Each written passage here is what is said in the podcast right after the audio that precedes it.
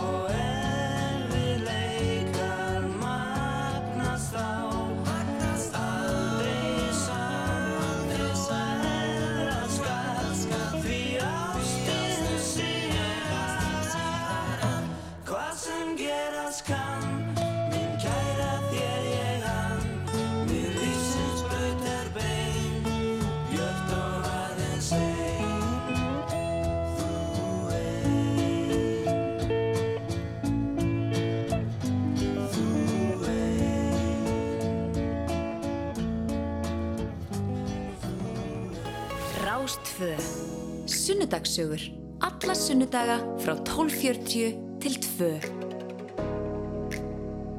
Hér með hefst þátturinn Sunnudagssögur og ég heiti Andri Freyr og er viðarsson. Í þessu mánuði, fyrsta mánuði ásins 2024 þá ætlum við að einbeta okkur að í, í sundarsögum að spjalla við fólk sem að er fyrir aftan myndaðalina Þetta er fólki sem að já, áheiðurinn að því að við fáum að sjá eitthvað í sjónvarpi og í bíóum, það er ekki sko þegar fólk sér eh, nýjan þátt með Agli Helga, finnst það geggjaður. Þá ferða oft upp á Agli Helga og segir er frábær þáttur hjá þér. En Egil, hann stendur bara fyrir framann myndaðalinn og talar. Því að fullt af fólki sem að kemur að því að sjá til þess að þetta komir svo til skila í eh, já, fyrir, fyrir okkar augum og, og hérna, einn af þeim er Stengurumur Jón Þórðarsson sem að er eh, einhvers konar einsmanns herr í þessum bransa. En einhver staðar hefur þetta nú byrjað. Sætla blessaður og velkomin í Sundarsögur Blessaður Já, svona ef við stiklum aðeins á mjög stóru hérna og svo verum nánar í saumana á þessu öllu saman svona svo fólk áttis að því hvað í óskupana þessi stengrimir hefur gert því að þið eru oft svona falið fólk í þessum bransa, fólki sem er ekkert að óta sig fyrir fram að myndalina og þú er náttúrulega ég tekið mikið af, af motorsporti þú varst svo limdur á sínum tíma við hann Jón Ársæl. Þið unnið mikið saman, gerir marga sériur tóku við mörgum uh, viðkenningunum fyrir það allt saman og svo er hann líka verið í heimildamindunum og, og uh, síndur okkur Jón Pál á sínum tíma já, og meira til. Og uh, já, sælublasar ég ætla bara fyrsta, fyrsta spurning. Hvar og hvenar byrjaði alls saman Ég, þetta er svona, kemur svolítið með móðumjölkinni hjá mér sko er, ég elst uppi hennar bransa frá, frá því ég var eh, já, hvað, 13 ára þegar pappi var að gera hérna, með góðum hópi manna hérna, myndina Húsið mm. og pappi er þess að þá fóstupappi minn Björn G. Björnsson sem stopnaði fyrirtæki hugmynd á allir eðvarsinni og kerið fullt af auglýsingum þannig að maður var svolítið smitaður af þeim mm -hmm. og setna mér þegar stöð 2 var stopnið að þá fekk maður svona fljóta þar inn í sumavinnu með skóla. Já, það, það byrjaði á kústinu og Sigga Sývertsen já, já, Húsið er eh, mynd sem að uh, situr svolítið í minningu fólks og uh, ég til dæmis að skýtlóðandi hrættur þess að mynd. Já. uh, hvernig var það fyrir 15 ára steina að vera á setti? það var lítið mál. Það er svona maður er ekki fyrir maður sá myndina maður var smá skilkaði sko. Mm. minnst að maður að vera á settið það var ga virkilega gaman, við vorum að búa til svona perjótu mála glugga í svona með munsturmálingu til að gera hana gróa og gamla og þetta allt tekið upp í stúdíói sko byggt leikmyndir inn í stúdíói. Já, þetta var upp á Söðlandsbrönd og hérna þar var einnig styrkri stjórn Hall, Halls Helgasonar.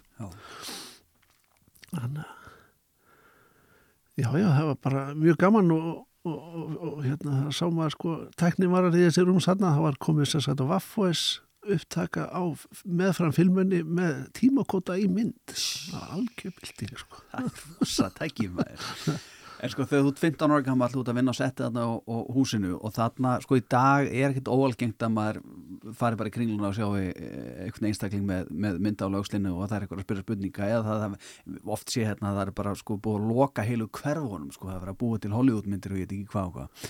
En þegar þú ert 15 ára og, og ert að vinna á setti á húsinu fannst vinum þínum þetta ekki svolítið merkilegt og, og skólafélum jú, jú, jú, þetta átti spes. Já.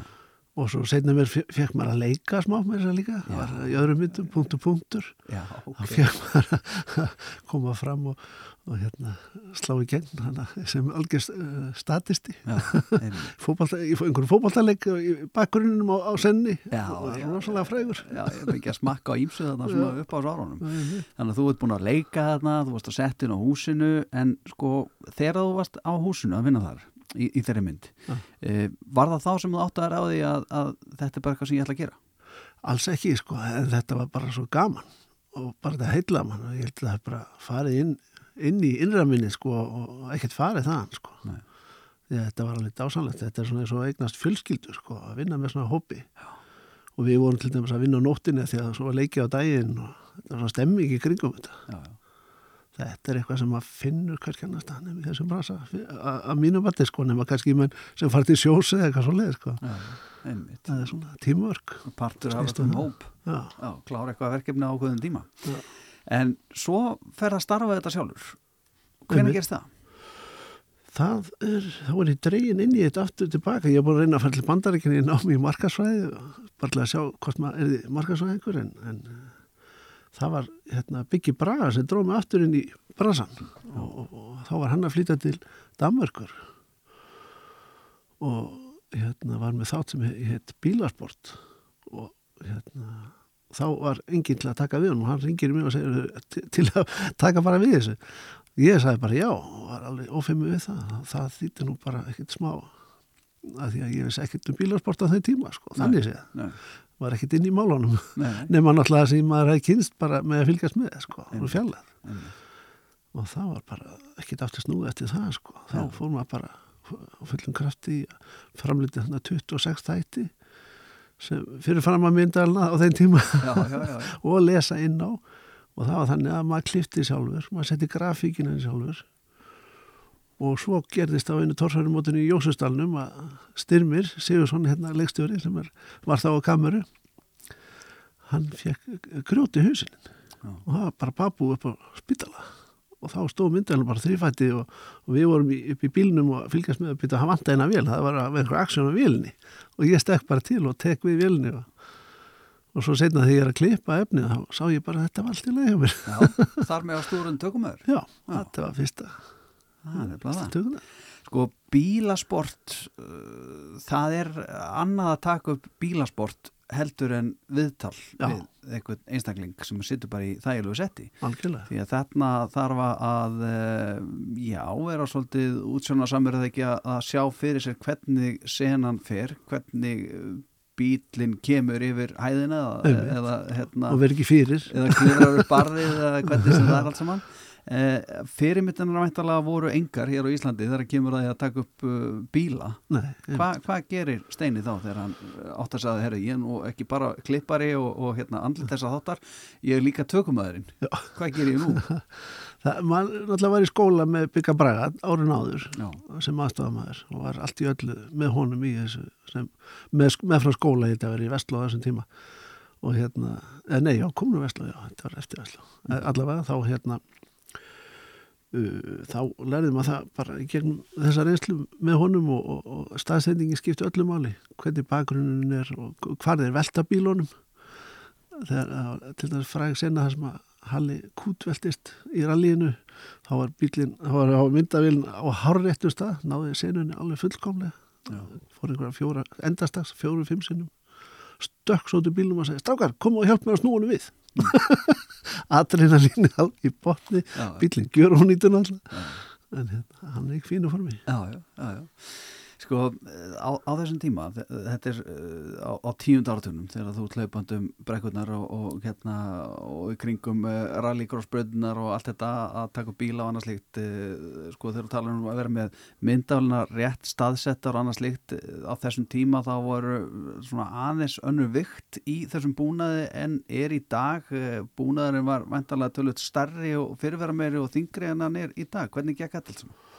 Já, það var þarna voru vélarnar sem sagt ekki sambiðar eins og örðu setna það voru sem sagt uniti sem tók upp var sér svo var kapall yfir í myndafélina sjálfa sko. Og þetta voru þrýfætti þetta var alveg og þurfti að uh, setja plastbók auðvitað um þetta svo myndi ekki koma rík þetta var allt, allt á kafi ríki alltaf en það var mörguleiti gott því að það varstu bara með auðvitað upptökutæki. Ja. en kameran þóltið mér í rík sko þannig að þetta var alveg fínlegi en þetta var vesen og milbörður og, ja. og allt því fylgið þungið þrýfættur að þetta var stöðut Já og þannig að þetta var alltaf tvær vélar lámarki, ef ekki fjóra stundum í torrarni sko. Það er bara svolítið kostnæður sem fylgist líka Já, já, já, já. Magnað, eh, sko Stengrum í Jón er hjá mér allar að ræða við mig um það sem gerist hínum með við myndafélagina, semst ekki fyrir framannana heldur fyrir aftanana og sundarsögur þennan mánuðin eru tilhengar þessu fólki sem að uh, gera það verkum að við höfum ekkert að glápa á þeirrum heima okkur í mestu magindum og það er nóg framöndan því að við ætlum að ræða hérna eftir um uh, þættina sjálfstætt fólk meðal annars.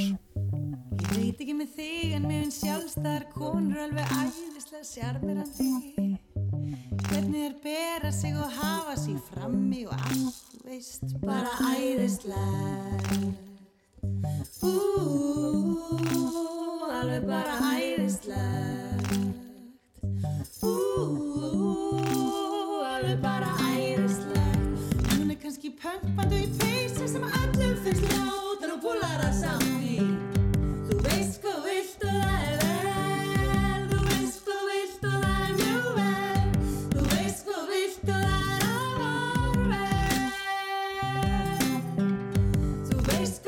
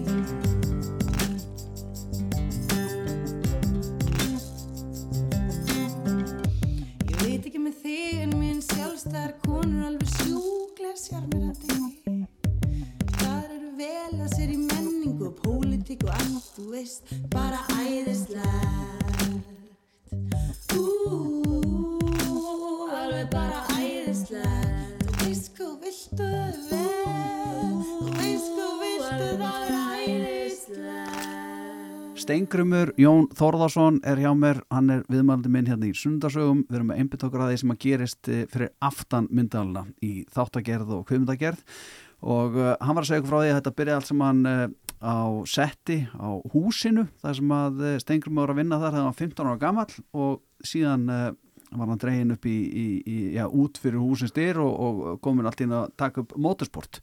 E, fyrst átti hann nú bara að vera svona haldið utan um þetta, framlega þetta neða ekki og, og, og segja frá því hvað gerist. Já. og svo fekk tökumöður grót í hausinn eins og kyrstrugla nokkur sinnum á svona torfærumótum. Nei, og þá voru góður á dýr og Steini var komin á kamerun sjálfa og var bara nokkuð ánægð með sig og er enn með kamerun á aukslinni síðan að þetta gerist.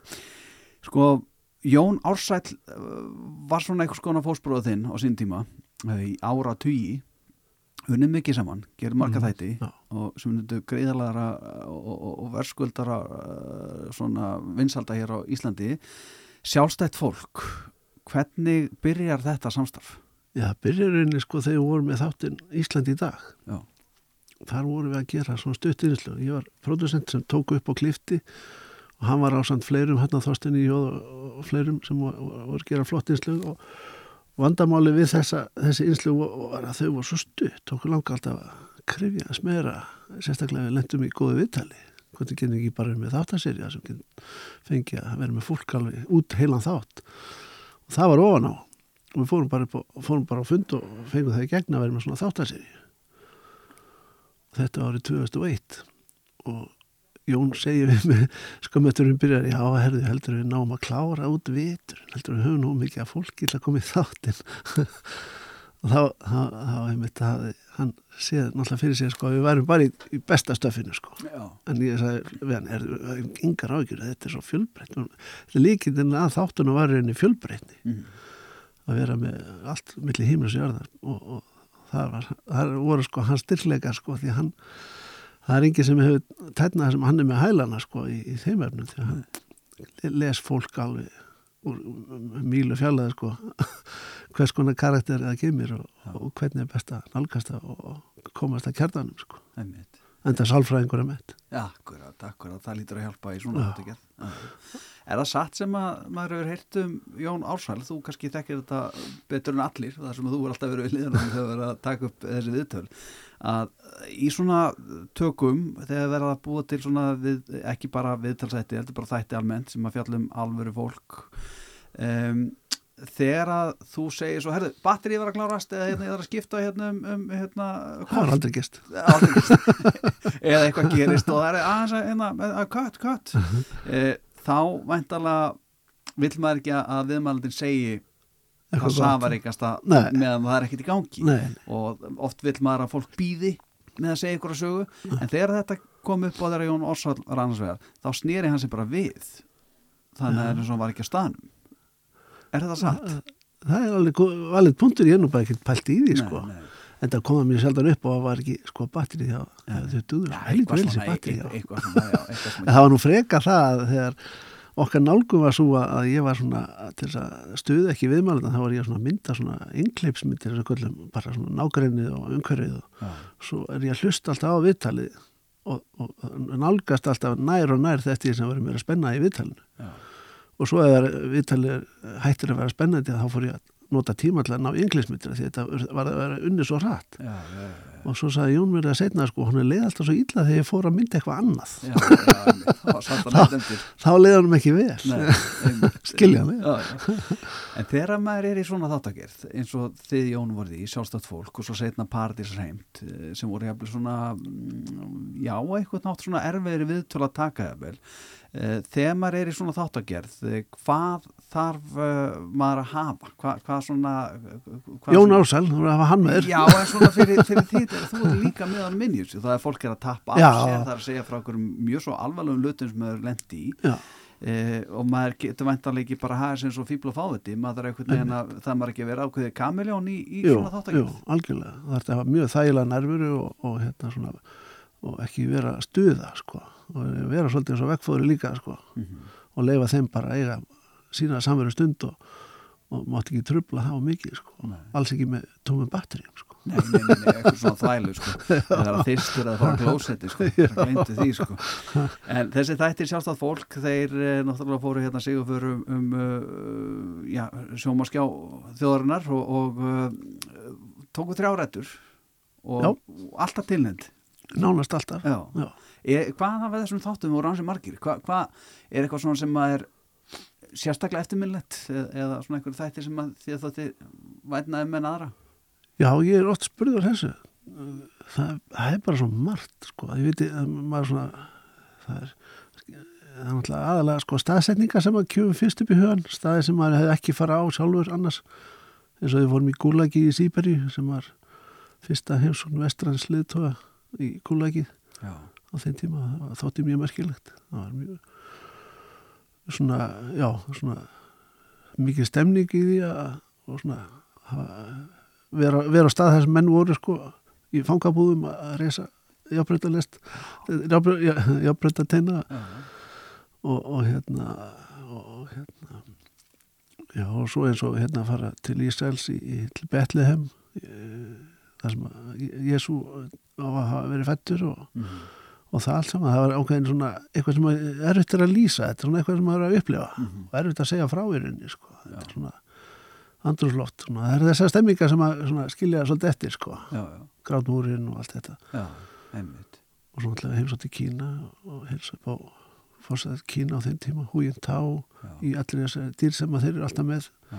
þeir taka á móti þjóðhauðingjum og náttúrulega í Kremlinu í Moskvu og með Putin og það allt saman Mhm. allt það eintir og Kremli í Novgorod var líka eftirmunlegt það var svona kastali gamall. Þar sem fengum svaka langborð hérna veislu þar sem að maður hefði nú vitað þegar telja nýjapurinn sko til að vita hvað er margir réttir. Og, og svo þegar nýjapurinn búið þá átti ég held maður að réttin að vera búnir og maður búin að borða sér gat til að vera svona kurtis já. þá komu þau bara og settu annað sett af nýjapörum, önnu sjö nýjapör sikkur megin og þá var maður að taka á stóra sínum að klára. Það var ekkert grín sko. Komu kjötréttir og súpur og allir pakki sko.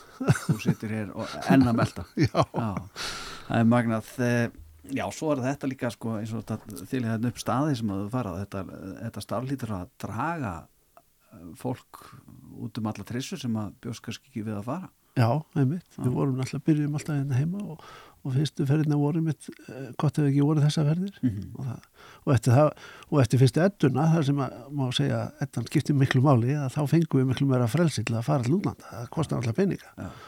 og það, eftir það voru við svolítið duglegir að ferðast. Og það, það voru stóri þættir og, og, og vikku í sjóndeldarhingin það var mjög gaman, Já, hittum Óla Jóhann í New York skaldsöguna sína og starfa fyrir Sony þótti merkilegt á þeim tíma það er náttúrulega verið kringur 2002-2003 já, og, og við erum Erro í París og Telma Hersli í Gras í Östuríki hvað er maður já, og bara endalist að ég veit ekki hvað maður og náttúrulega LA með allir því fólki sem býr þar já, allir þeim stjórnum. Já, og Kristján Jónsson við Gardavatni á Ítali ekki slæm félagskapið þar heldur betur, hann var skemmtilegur og er, og er eða já, já, já, já. Svo fóruð þið félagarnir lengra með þessa pælingu að breyttu reyndar um nafn og fóruð, vill ég meina, aðeins meira á dýftina þegar þið gerðu þættina paradísarheimt. E, sjálfstæða fólki náttúrulega þetta var e, alls konar fólk. Já. Það var gatt verið e, hvort sem það voru reytöfundar, pólutíkusar, íþróttafólk, tónlistafólk eða bara hvað sem er. Það var tekið fyrir sjálfstæða fólki. En í paradísarheimt þá fóruð þið svona á aðra slóðir og e, þá vorum við að kynast fólki sem að já, við kannski höfum ekkert séð neitt mikið af á, á sjónvarskjám hér á Íslandi. Uh, hva, hva, hvernig kom svo hugmynd upp og, og þurftur að beita annari tækni þar en, en þú hefði gert í sjálfstæðu fólki og, og, og með bílana? Já, það var svona öðruvísi náttúrulega nálgun heldur en sjálfstætt fólk. Meiri svona pælingar fyrirfram og, lögum aðeins sko meiri handristgerði í það sko. Mhm. hitt og meira svona spilaða fingurum fram þetta var meiri, meira á dýftir eins og þú segir sko. Þannig að jú, það var líkilættir í því að velja gott fólk og þá sem voru tilbúin að vera með okkur. Og það gekk bara mjög vel og fyrst, fyrst að segja að hann var fólk með geðrann vandamál sem var nú alls ekki öll við hans efni. Mhm. það er svolítið sérsviðans Jóns og, og hann gerði það rosalega vel og það hefur verið tekið fyrir skólum hef ég hert það sem menn uh, taka það sem fyrirmynd í, í félagsfæðum svo nálgun sko og, og þessi upplifin hjá fólki og, og komast líka að fólki sem að hefur ekki fengið sko að tjá sig í rauninni mikið, er ekki mikið að tjá sig eðla þetta fylgjur svo ákveðins kom þessu sjúkdómum. Mm og að gera það hérna áður fyrir sem betur verið það að fara að opnast. Já, nákvæmlega. Nákvæmlega, eh, talandi um skóla, þá ætlum við að ræða eins um skóla og annað slíkt hérna rétt eftir eh, þau höldum áfram að tala um það sem gerist á uh, baku myndalina hjá Stengrimi Jóni Þórðarsinni sem er viðmaldi minn hérna í sunnudagssögu.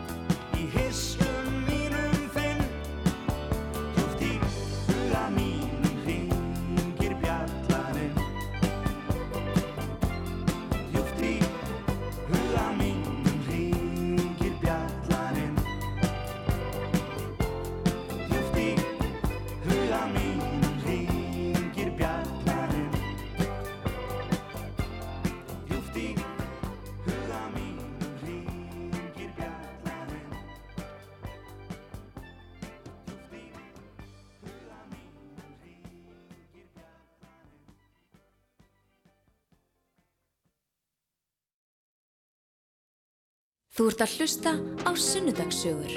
Alla sunnudaga klukkan 12.40 á Rástfö.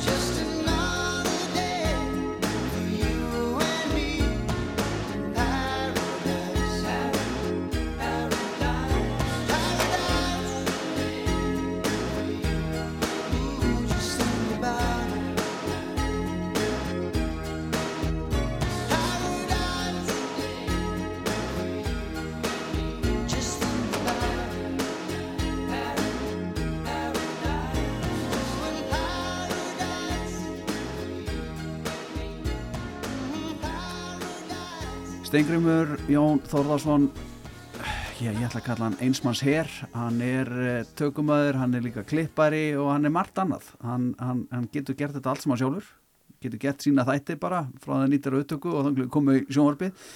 Er það mikilvægur eiginleiki að hafa í þessum bransa hér á Íslandi að geta gert þetta bara allt saman sjálfur?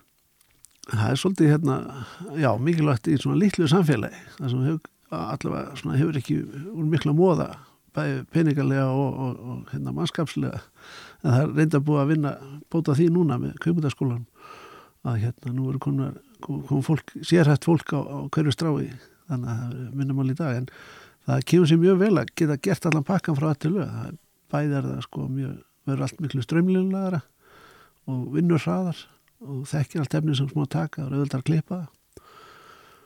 Og það er bara reist mér mjög vel að, hérna, að þegar ég er í tökum þá er ég að skipulegja rauninni klippingarna líka sko. Akkurat, akkurat.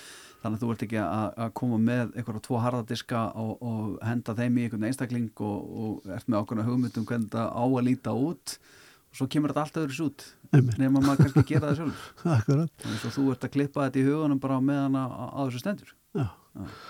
það, það, það gefur þessu miklu meiri hérna, já, þetta verður eins og segja strömlinlegar og, og, vin, vinst miklu hraðar og, og be- meira basic sko. Já. Þegar hlustundur eru að hlusta á okkur spjalla um þetta og þeir segja frá og uh, gera allt sjálfur einhvern veginn, klippa og skila bara sér heilum þætti sem að uh, fyrir bara ekki um hendunar á þér. Uh, það er kannski margir sem sjá fyrir sér ok, hann er bara með sko, hann er með bara eitthvað þryggja eða hús maðurinn sem hann, sem hann vinnur þetta allt í en það vill nú svo skemmtilega til að ég hef nú komið þarna í ástæðinu höður og hún er nú ekki svo svakalega stór. Þetta er, þetta er lítil kompa það er allt í rauðareglu og það eru tölvurskjáður hérna og alls konar tæki og, og, og spólur og eitthvað búnaður sem að eh, efni hefur tekið upp á í gegnum tíðina maður þarf ekkert mikið í dag. Svona ólíkt tí og þurfti kannski þegar þú varst að hlaupum brekkunar hérna, eh, svona upp af tíunda áratöðunar sem þú varst að taka upp torfæruna þegar tækin voru stór. Eh, í dag er tæknin orðin svo smá. Já, en Og- merkileg. já, Já. og maður að segja að þetta hafi gæst svolítið í beinu framönda þegar við byrjum með sjálfstöld fólk 2001 þá var mikið þróun í tækjum bara statt og stöðut eftir það. Já. Og í dag er þetta svo orðið svo þægilegt að geta þess að vera bara með fartölvu e, og, og með þess að litla velar við fannar að gera góða hluti og getur gert góða hluti með litla velar það þurfi ekki að vera slæma sko. Það gera oft mjög fallega hluti með þeim en, og eins með hljóð, hljóðbúnar og allt þetta og, og ljós, þetta er allt orðið svo auðvelt og aðgengilegt í dag. Já. það var stórmál hérna að fyrir talandi um það, eh, ertu sammála því? Er þetta að gera bíómynd bara á síma Já, það er hægt sko, en, veist, það er allt hægt ef viljinni fyrir hendi sko, það er alveg, veist, en þú fær ekki svo mjög gæði náttúrulega, nei, nei, nei, en, en þú getur alveg gert það, Já. það er alveg, sagan er að aðlatið sko, Já, já, og þú er komin náttúrulega þokkala frá þér. Já. Mæliru með stengrimur að, að eh, ykkur sem er að hlusta núna er, er búin að vera veltaði fyrir sér að fara í eitthvað skona nám eða hella sér út í bransan eh, með hverju mæliru? Á, á fólk að byrja fyrst að prófa sjálft eða að fara fyrst í nám eða bara sleppa algjörlega að fara í nám bara læra þetta bara sjálft eða, eða hvað? Hvernig, hvernig gerum við þetta? Það er rauninni bara, sko, undir hverju meinu komið, sko, það hjálpaði mér, að, að ég þurfti ekki á náma að halda þannig sér, sko, nema ég lærði í rauninni by doing, sko, það er, það er mjög góð skóli, það tekur lengri tíma, vantarlega, og, og þá þarf maður að gera nokkuð mistök til þess að, að maður læri eiginlega mest af þeim, og það, þó fólk þarf ekki að vera rættið það að gera mistök, og, og skóli er náttúrulega bara fínt, gott að vera í skóla og þá lærir hluti sem að koma þeim mjög vel. Og, og það er allir gott að vera í skóla en, en þú getur komist af án þess sko. Já. og, og bara nýta þið reynslu annara líka. Mhm. og líka, að- svo þarf maður ekki að gera allt sjálfur sko, þú getur bara fengið fólk til, þú veist, það er hægt að fá að vinna fyrir því og þá getur þú lært af honum og þú fer, þú ljósamann til að lýsa fyrir því og getur lært af honum og tekið þetta þannig sko Já. learn by doing er svolítið sterkur leikur sko Akkurat. Þú myndist á kveimyndaskólan hérna áðan, er hann orðið þokkalegur? Ég myndi nú halda það, ég ekki hérna reynsla á henni sjálfur sko, Nei. en við faraðan í heimsókn í þáttasýrunni með okkar augun sem ég er að vinna með L.S. Sveins og, og Sigmund Erni, Já. fyrirtæki séri sem að ég vinn mikið með núna og það er búið gaman að sjá alla þá vinnu sem fer fram þar. Það er fólk er að læra allt frá, alveg frá grunni sko, þú ert að fara í öll þessi störf og mér þess að hérna, erum við með góðan strák sem er með okkur í með okkar um sem heitir Maggi, kallar sem Maggi Klipp. Hann er, er áhugin er nummer 1, 2 og 3 hjá honum og það er líkilinn að því að þú getur gert eitthvað á áhugan á þessu Við höfum nú aðeins svona rætt um uh, tækni hérna í, í þessum þætti sundarsögum en þó ekkert farin eitt svakala djúft í það því að ég held að, að uh, fólk sem hefur í alvörinu mikinn á að tækni það tala, tali allt annað tungumál en, en fólk sem er bara svona vennilegt sko. uh, það er að meðalan Steini sem að uh, hefur nú fylst með tækninni þróast í sínum ferli og uh, já, er eitthvað svona steini sem að þú mast eftir sem að uh, var alveg nýtt sem að þú varst að vinna með sem var alveg splungu nýtt hérna á, í bransanum heima á Íslandi? Já, þegar við vorum að byrja með sjálfstætt þá var sko tekið upp á sko, analóg spólur. Já. SP beta hérna og fyrstu þættinu voru teknir upp á svo leðis svo komu nýja vila sem betur fyrir mjög fljóðlega sem heitir SX beta það var, var digital og ég sá í kamerunni að það var hægt að taka upp í formati sem heit 16.9 Já, það þótti nú eitthvað, wow, þetta lukkaði alveg svo bíómynd og 16 nýjendu er, þá, þá, ég man sko þegar það er bara standardinn í dag það er sko. bara standart í dag, ég man sko samt þegar maður fekk sko þegar sumur átt svona widescreen já, sjónvarp. já, það var alveg það að aðri voru með túpuna og Einmitt. svo stundum fekk maður nýja mynd og það var bara sem maður að horfa á hana í gennum svona brefalúgu já, einmitt, er það 16 það nýjendu? er 16.9 Það er 16 nýjendu og það á þessum tíma átti allir bara fjóri þrýr sjónvarp sem Já. var bara allt annað format, meira kassalaga og þarna ákveðum bara og fengum leifið hjá útsendingunni að vera með sagt, þá þurftu að vera með kassa frá hún og neðan svarta. Já, en lúkka er úkislega við Já. sko. það var svona breytast það var, og vantilega þessna ég man að ég var tilnættur hérna fyrir kvimdatöku hjá sérstæða fólki með grunna að það hefur nú haft eitthvað að segja já, með já, það. og það þótti nú flott að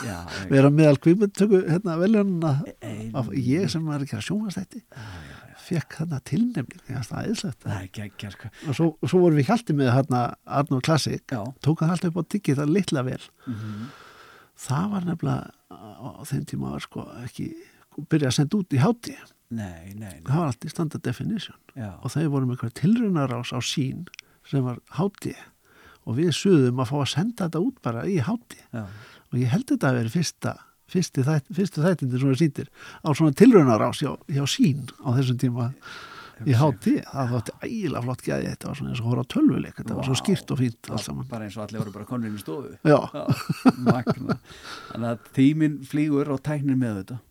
Eh, Stengrumur, við ætlum að ræða eins um eh, heimildamind sem að gera á sín tíma uh, um einn af okkar merkustu mönnum hann Jón Pál og ræða með eins um Jón Pál í liðinni hérna rétt eftir Black hole opened in the kitchen.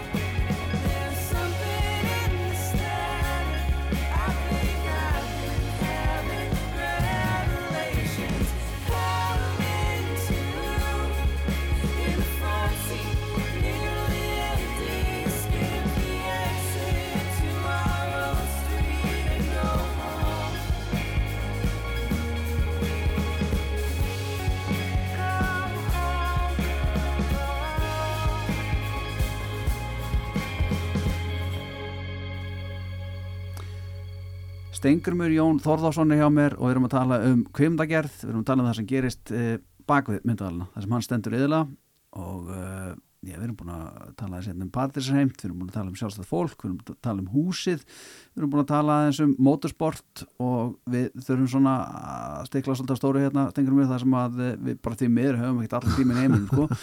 en það er Jón Pál, þú gerir heimildamönd um Jón Pál á sinni tíma. Já, með Hjalta Úsus, Já, við Hjalta Átnar sinni Já. við vorum saman í þessu frá upphafi það var allavega þrjú ár áður við fórum í að gera myndina og það var líkillin í þessu var raunni sko Hjalti og hans kraftur því að hann þekkti náttúrulega alla í þessum bransa í kringum öll kraftamótin.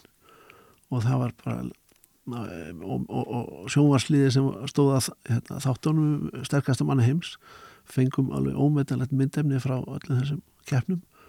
Og, og fórum á Ellendis og tókum við tölvi keppindur sem voru að keppa með Jóni og kunna metan mikið og, og hérna, Douglas Edmunds í Skotlandi sem, sem var sá sem að uppgöta hans svolítið sko, í hálfandarleikunum fyrst. Það, það, og kendi hann að taka sig glerun í kraftakernum hann líkt hann við Clark Kent sko, og Já, hann var að taka af glerun og var gaman að hafa kynast þessu svona frá grunni sko. já. Hvernig var því tilfinning uh, að að við, við hérna Íslendingar náttúrulega alltaf lita Jón Pál sem bara sterkasta mann í heimi allar tíma alltaf og maður er uh, nú þegar fyrir löngu síðan byrjar að mata sína eigin börn með, með sögum að Jóni Páli sko og sína þeim að klippur á hann á YouTube þar sem hann er að segja að þetta sé ekkit mál og eitthvað svona uh, hvernig var svona þín tilfinning þegar þið farið hérna út fyrir landsteinina að tala við uh, fólki í þessum bransa, í þessum kraftabransa um Jón Pál og fá sögur á hann og svona var hann jafn mikil góðsögn og, og við svona látum Já, já, og miklu meiri góðsum heldur maður að gera sér grein fyrir Erlendis. Við vorum til dæmis í Skotlandi að taka upp hálfandarleika keppni sem allavega nota sem myndskreitingu í myndinni. Fórum bara svona tilvílun inn í Marx og Spencer og tölum við fólk skilur bara ákvæmsleika og það grét bara í kameruna sko. Jón, allavega, það er Viking og það komið alla frasana sko. Já, já. og fólk bara fyrir utan og gunguð hérna í miðbæ hérna, í- hérna Glasgow og það var alveg bara stórgjóðslega þeirra fólk bara vitna í hann og, og, og eins bara lendis í bandaríkjónum og það vissi allir hver hann var. Já. það var með ólíkinu tókum við talið Bill Kasmæður á mótunni á Arnold Classic sem við haldið fórum á mörg ár, nýja ári röð. Þannig að það var og allir sem keftu í, á Arnold Classic krættamótunni þekktu Jón Pál sko. Já. og það var og Maggi Ver hefur náttúrulega verið þarna sem uh, dómari í þessu móti og hann, uh, talaði um það. Uh, vissi allir hver Jón Pál var. Hann var aðal stjarnan sko. Já, og kveikjan að mörgum sem köllum að fara að lifta einmitt. En þú er nú líka þróast aðeins með svona þessum kraftakefnum, þú er ekki bara verið að taka Jón Pál og, og, og, og hérna, fa- farið með honum held á Arnold Classics e, þó nokkur ár. Þú hefur tekið þetta lengra já, og fært þetta svona niður í yngri krakkana. Já það er Andrés Guðmiðsson og Lára sem voru með hérna, eru, eru með skólarhesti þau byrjuðu með hérna, fitnessmót sem voru svona fyrir fullóna Já, og, og, og hérna vorum að mynda það og búið til Galaxy Fitness hérna. Og hérna svo ákvæmna að koma með skólarhesti já, og spyr mér hvort ég verið til að hjálpa sér með það ég held það nú, var náttúrulega full í sást af fólki en þetta voru einhverja fjóra helgar. Og ég sá fyrir mig ég gæti nú skvera inn hann smá helgum þannig líka þá að ég var mikið að gera hjá mér. Ég er nóg að tíma maður og ég hljópa hann um með eina vel á öslinni eldi krakkana undir, undir hérna netið og upp og allan pakkan. Þetta var rosalegt átaki, þetta var fína æfing fyrir mig. Já, og inn í bílinn og lokka og allt þetta. Já, já, og það má segja að fyrsta serina skólarittið var tekinu þarna og sínd svo fórum við þetta yfir rúf það var alltaf frábært í ég náttúrulega mátti ekkert vera að þessu Nei, nei, nei, nei, nei, nei, nei. En þetta, var, þetta hugmynd sem þú hugsaði mér, mmm, þetta virkar að þetta er depínu galin hugmynd sko, ef maður hugsa aðeins út í það sko. hérna, skólarhestis Já. pælingin sko í sjónvarpi sem er bara orðin eina vinsalastu vinsalastu Já. sjónvarsamnin í dag sko. Nei, veistu, þetta var ég búin að hugsa lengi ég hef búin að taka hérna stegstumann Íslands og, og fleiri kraftakefni sem voru ellenda kraftakefni hérna á Íslandi sem strákarnir voru með. Hjalti og Maki og hérna, ég hugsa alltaf þetta er svolítið mikið sko, mikla öfgar, þetta er svo miklir og þungi hluti sem eru að lifta og þetta get ekki allir. Mm að ekki að vera með eitthvað sem fleiri get ekki þátt í var ég alltaf, alltaf að hugsa. Og svo kemur þetta og hugsa, já þetta er akkurat málið. Le- leifa krökkunum að taka þátt og allt þetta hanga og gera dips og, og uppbyggingar og allt þetta, þetta skiptir máli. Ja. og kveiki áhugaðan hjá fólki að reyfa sig. Ja. en þetta eru eh, hérna, stöðunar núna smekk fullar alla daga. Akkurat, akkurat, ung og gammal fólki. Já. Já, mér og þér. Já.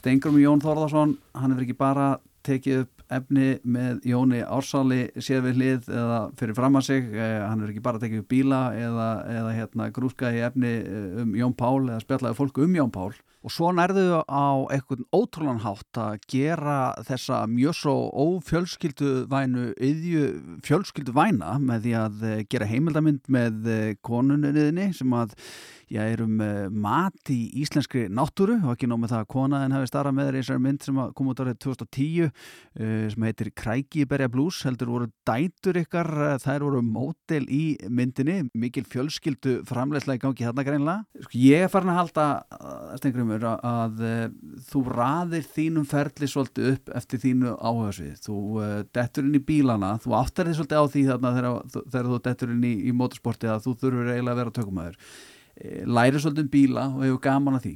Eh, ég held að sé ég held að þú hefur gaman að kraftliftingum líka.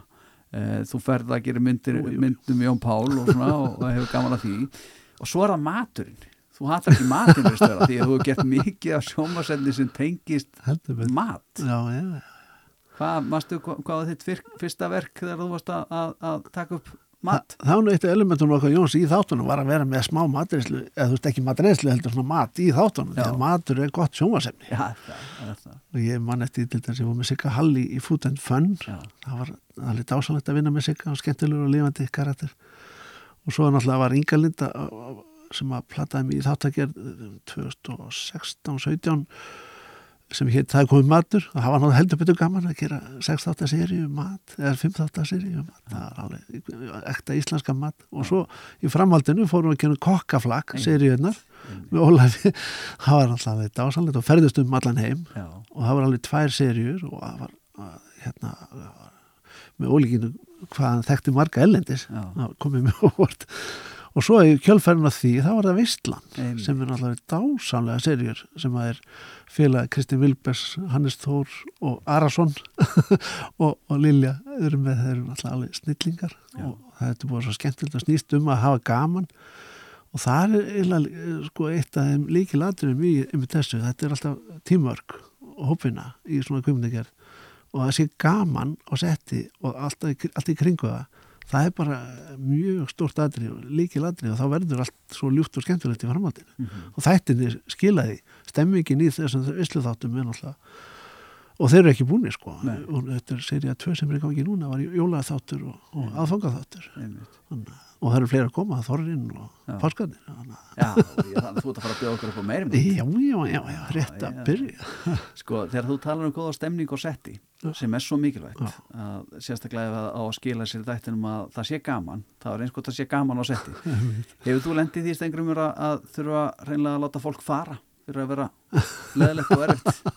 Nei, það er, það er aldrei verið svo slæmt Nei, nei, menn hafa dottið kannski einhverja smá svona það hafi, ég held að bara eitt skipti menn það var eitthvað fúlir, það var algjört algjört aukadri og fljótleist vandamál Já, það var einhverju auðlýsingaferð til Ítalíu þar sem að pródusendin var svo fullið því að tökumæðurinn var svolítið að stjórna ferðinni.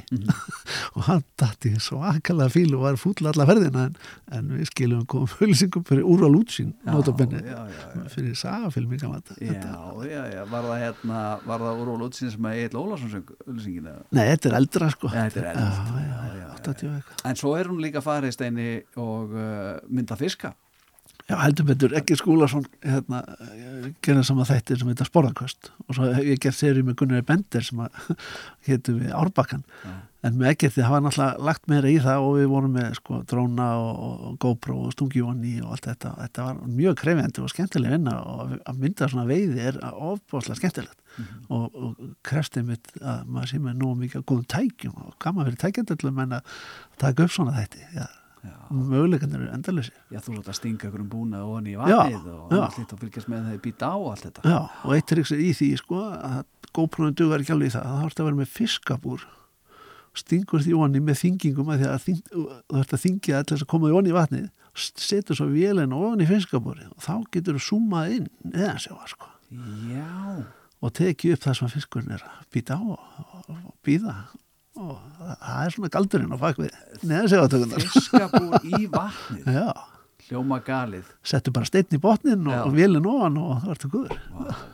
Pældi samt í steinir sko í draumastarfinu sem þú ert í sko þú veist, þú veist að Þetta er ekki leðilegt. Nei, það eru bílar og kraftlýftingar og það er matur og það er bara fólk Og ég er örgulega að gleyma. Já, Alveg. Pottet. Við ætlum að fara eitthvað nær nútímanum minna rétt eftir með Stengrim Jóni Þórðarsinni sem er tökumæður, hann er klippari, hann er allt saman, hann er, hann er allir pakki.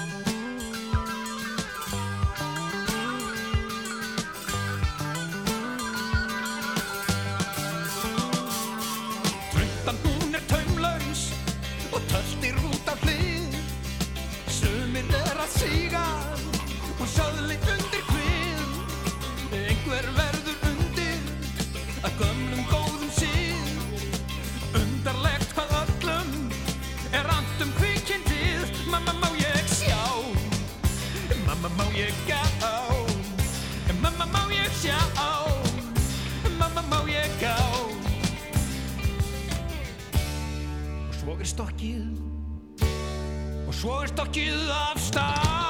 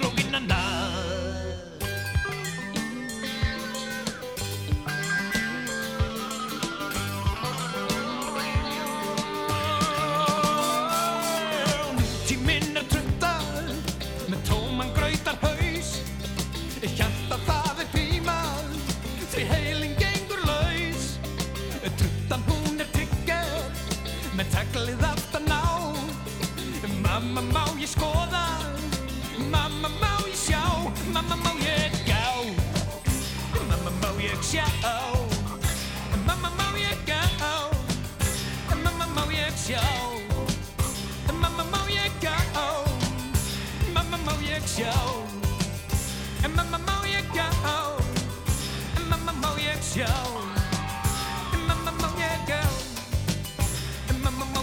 ég sjá Mamma, mamma má ég gá Mamma má ég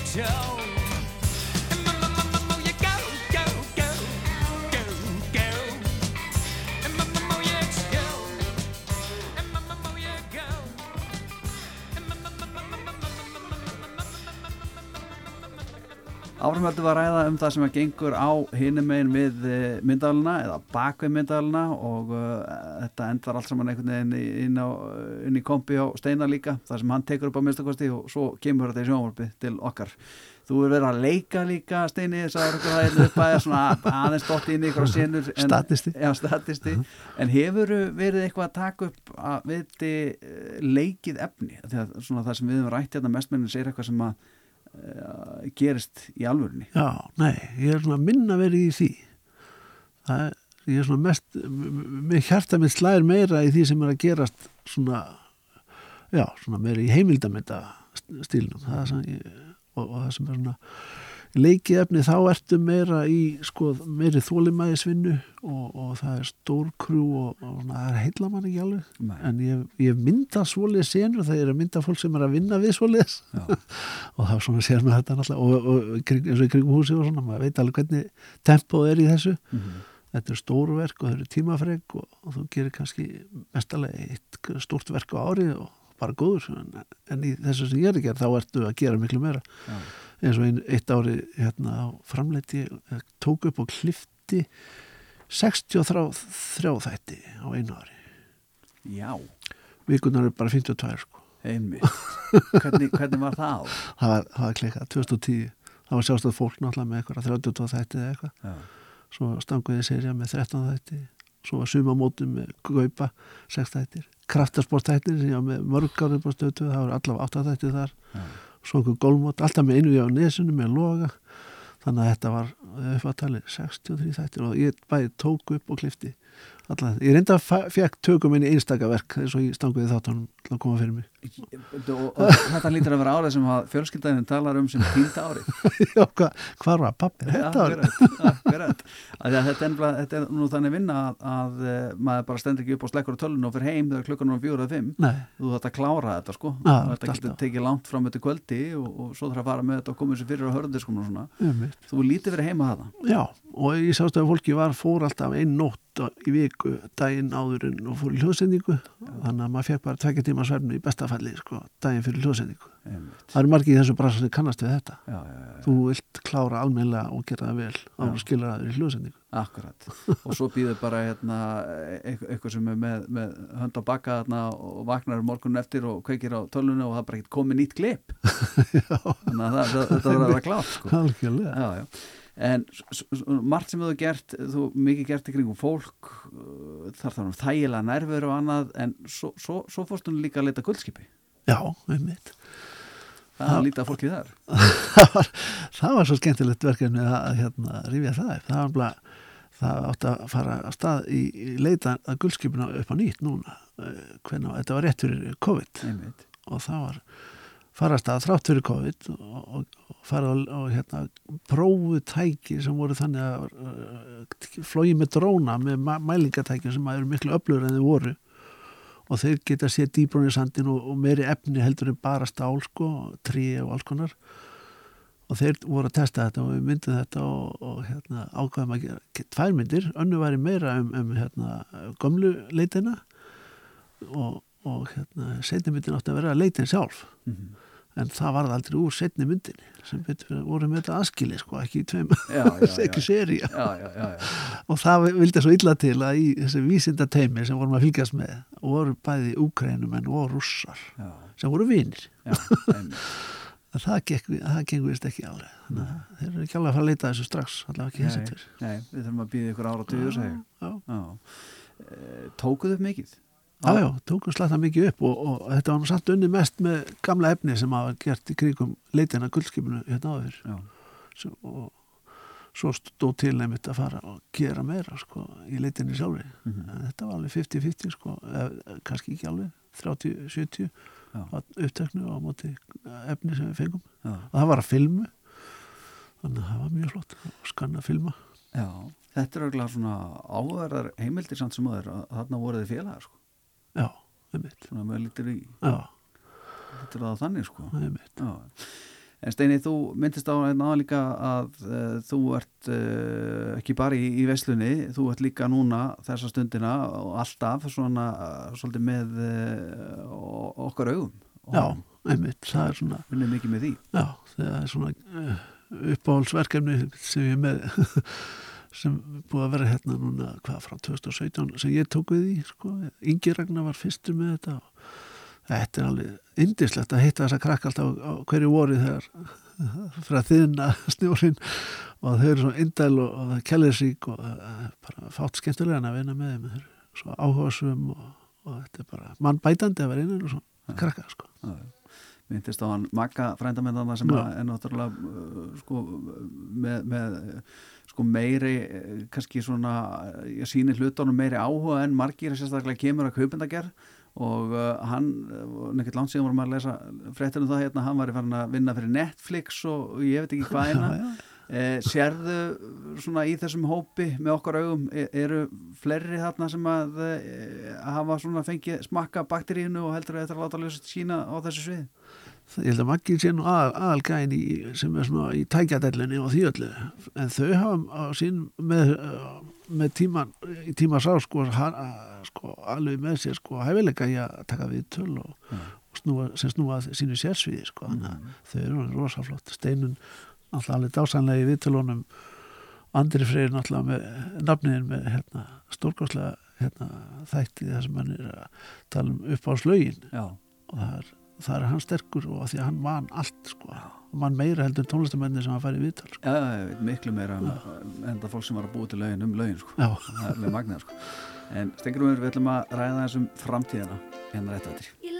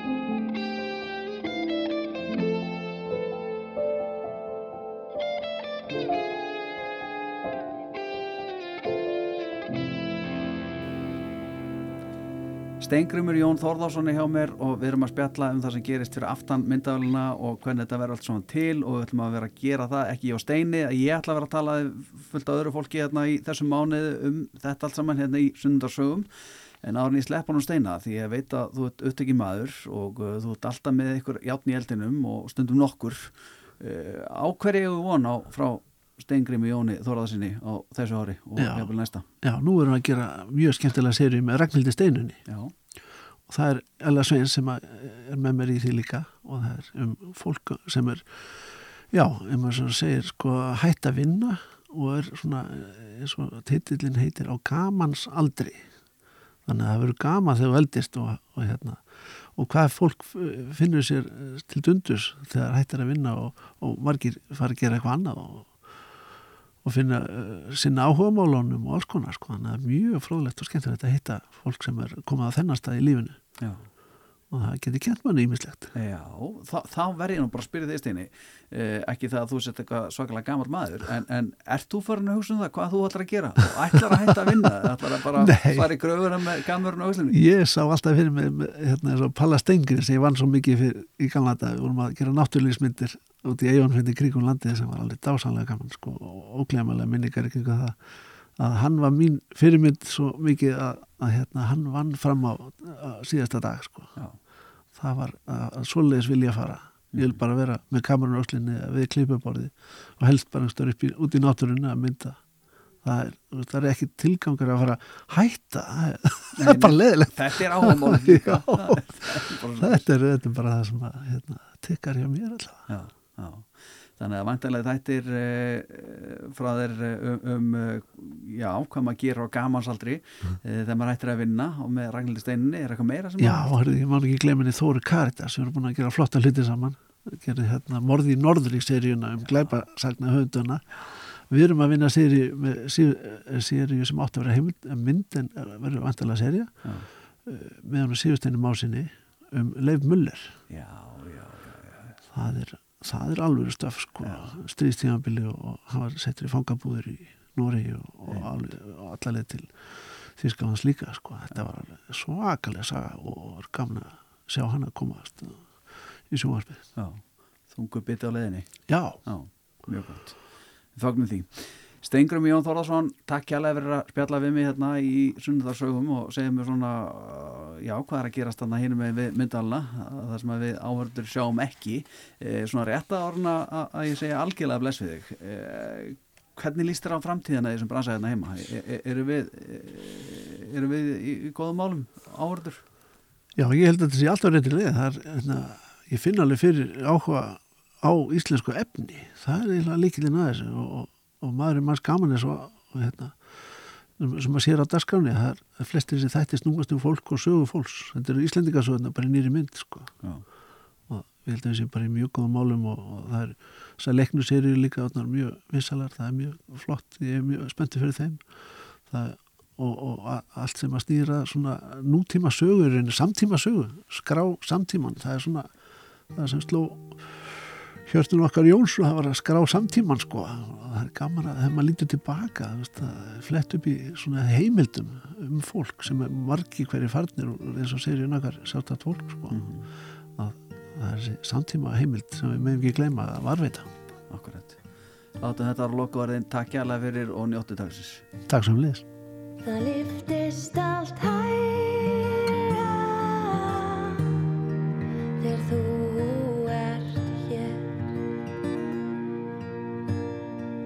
Þann draum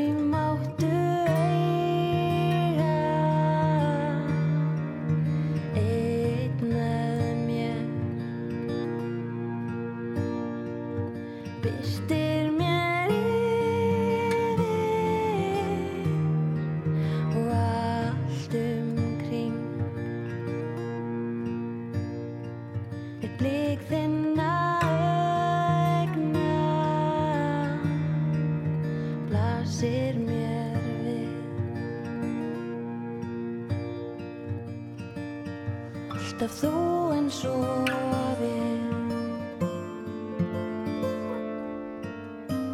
Er tvær stjörnur í fjarska. Fjallu saman hlið